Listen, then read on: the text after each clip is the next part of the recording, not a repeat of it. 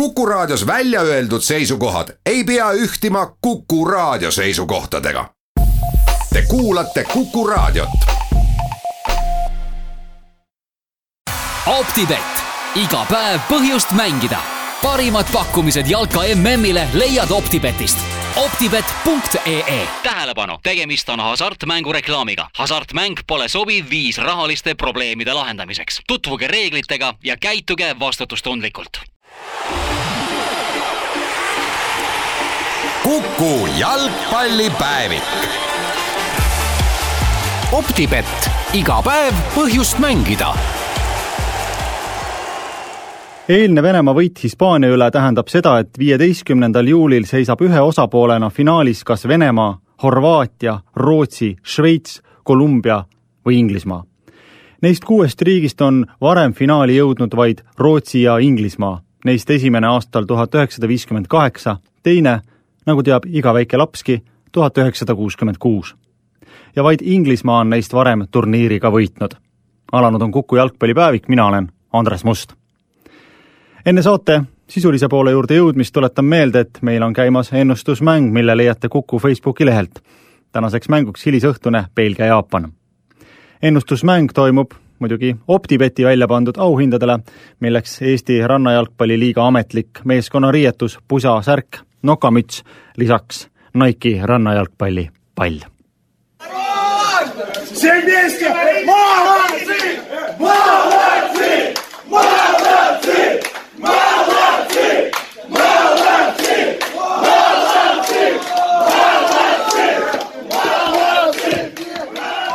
Jalgpalli klišeesid ümber lükkav turniir sai eile jätku Venemaa võiduga ning selline oli Vene mängijate mängujärgne reaktsioon riietusruumis.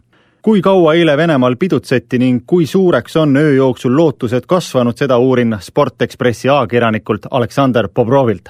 esmalt muidugi palju õnne, kui kaua siis eile pidutseti? Thank you so much. Uh, I, I, I don't know about other cities and towns. Jaa, suur aitäh!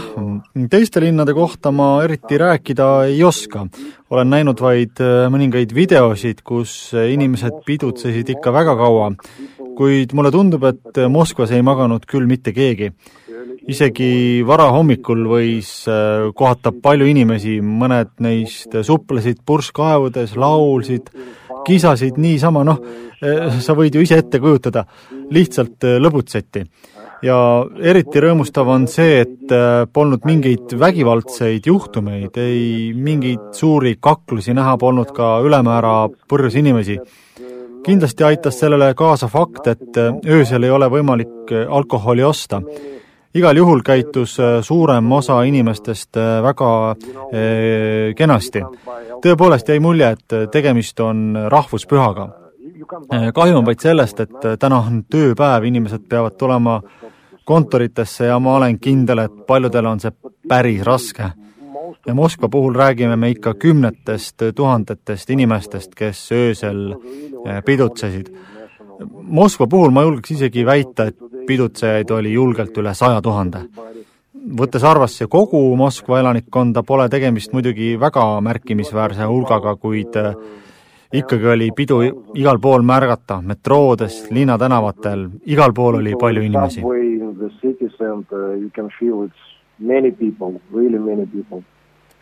No kui nüüd päris aus olla, siis ega su enda hääl ka väga reipana ei kõla? Because we, we have to work every, every day until one am. nojah, see tuleb asjaolust, et toimetuse töö kestab iga päev kella üheni öösel meil pole mingeid puhkepäevi, sest meil on iga päev ilmuv ajaleht. ja et kõikide töödega toime tulla, peame alustama üsna vara ning lisaks paberväljaandele on meil ka veebileht, nii et tööd jagub. mulle on jäänud mulje, et mäng Hispaaniaga on juba lähenemas müstifikatsioonile, sinu kolleeg Sporti Ekspressist Jegor Põškov avaldas täna artikli pealkirjaga U Maradona, Ruka Boga, U Akinfeeva Noga, vihjate siis nii väravaht Akinfeevi otsustavale jalatõrjele penaltiseerias.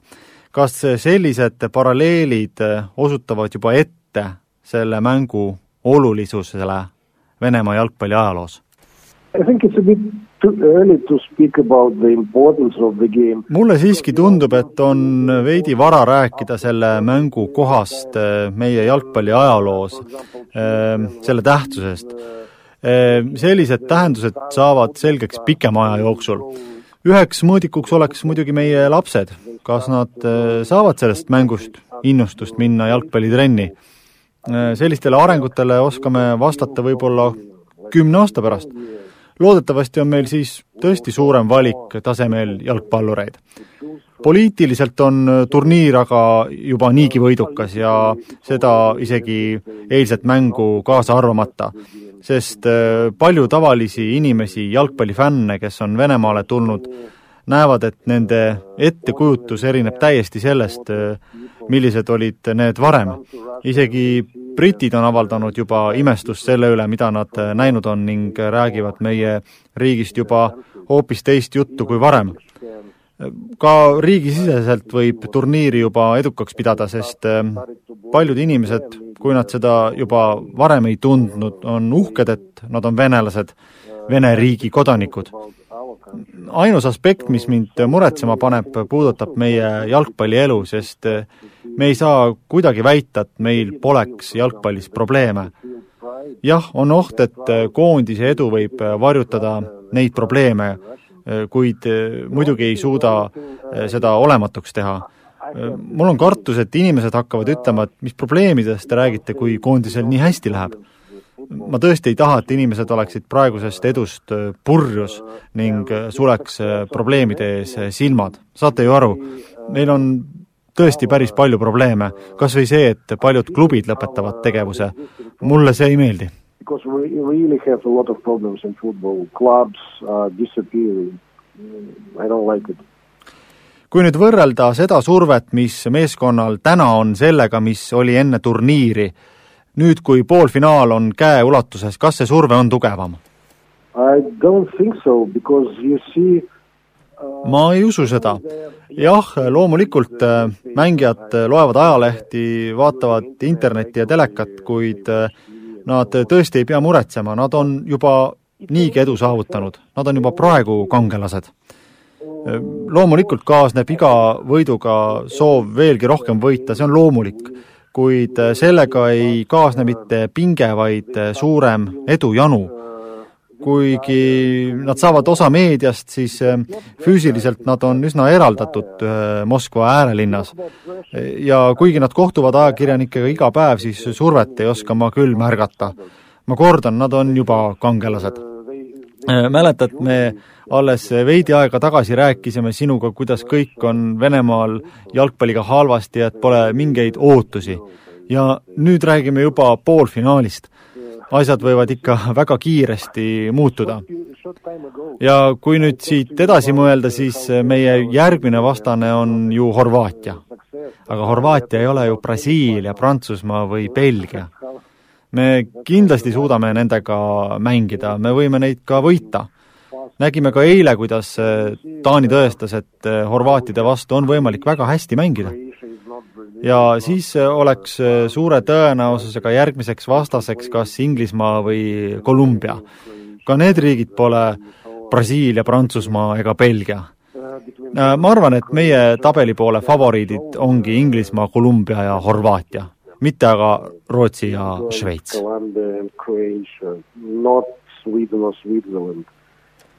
Teeme siin väikse pausi, oleme hetke pärast tagasi. Kuku jalgpallipäevik. optibett, iga päev põhjust mängida. Jätkumas Kuku jalgpallipäevik ning jätkumas vestlus Vene ajalehe Sport Ekspress ajakirjaniku Aleksander Bobroviga.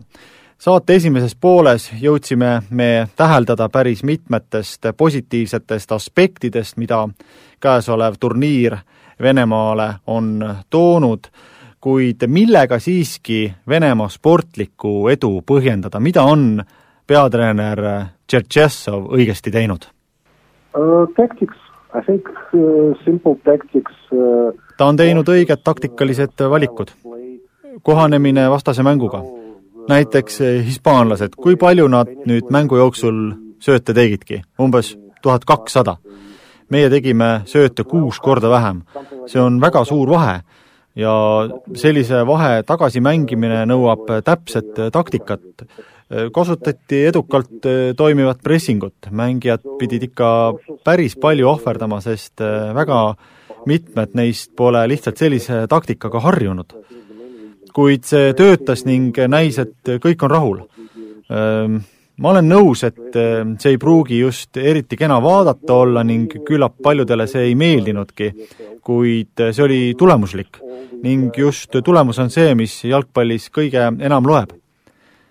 Ehm, peatreener Tšetšessovit muidugi kritiseeriti enne turniiri, kuid nüüd on ta kõigi suur lemmik ja teda toetatakse, talle avaldatakse sümpaatiat ja üheks selliseks mooduseks on joonistada endale vuntsid.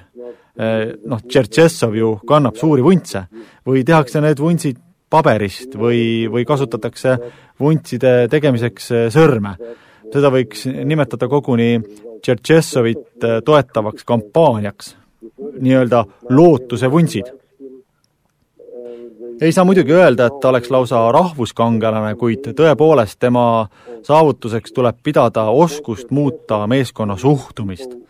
Rahvuskangelased oleksid nad juhul, kui võidaksid eh, kogu turniiri, aga praegu pole neist veel keegi rahvuskangelane. no kind of national hero, yeah, I agree, yeah, kind of national hero.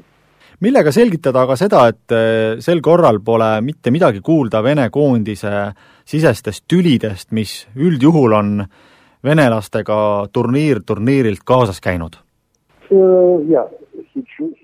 Jaa, eh, see on tõsi.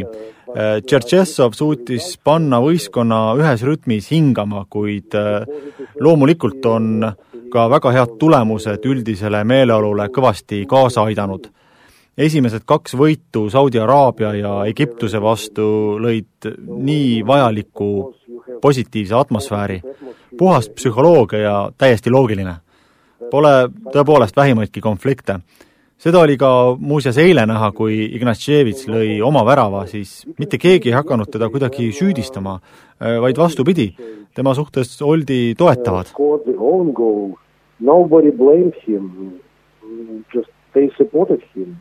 Nüüd, mil Venemaa on tõesti väga hästi mänginud, oleks ehk sobilik uurida ka meestele makstavate preemiate kohta. Mäletatavasti kinkis Venemaa valitsus viis kuud tagasi kõigile oma olümpiamedalistidele auto, millega võivad jalgpallurid arvestada?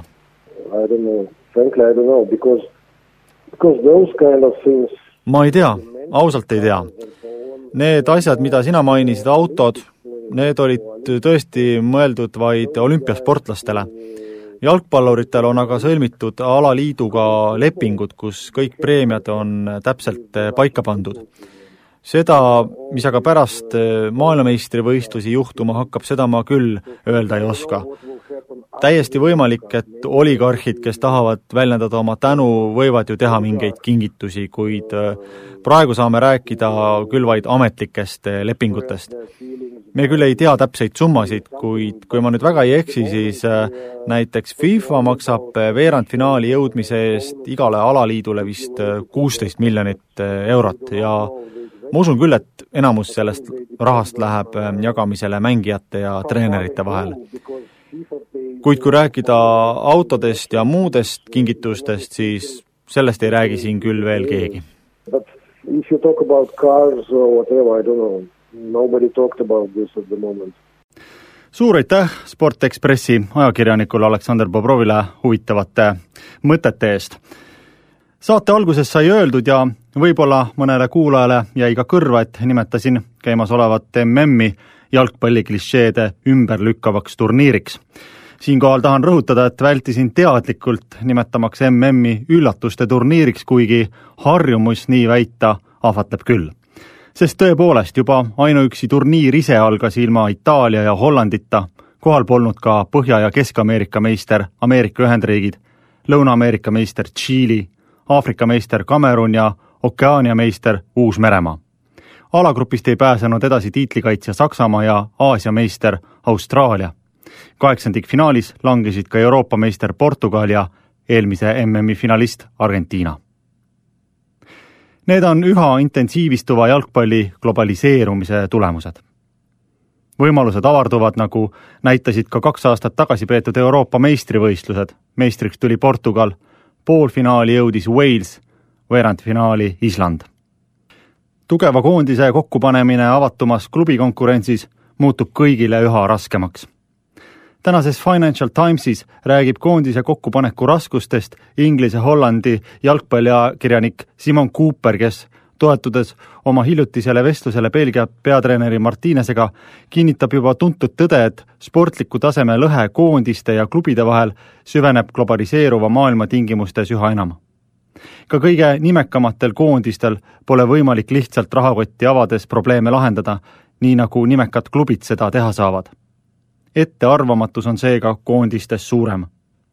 üks põlvkond häid mängijaid võib pildile tuua meeskonna, kelle olemasolu oli varem vaid statistilise väärtusega, näiteks Island.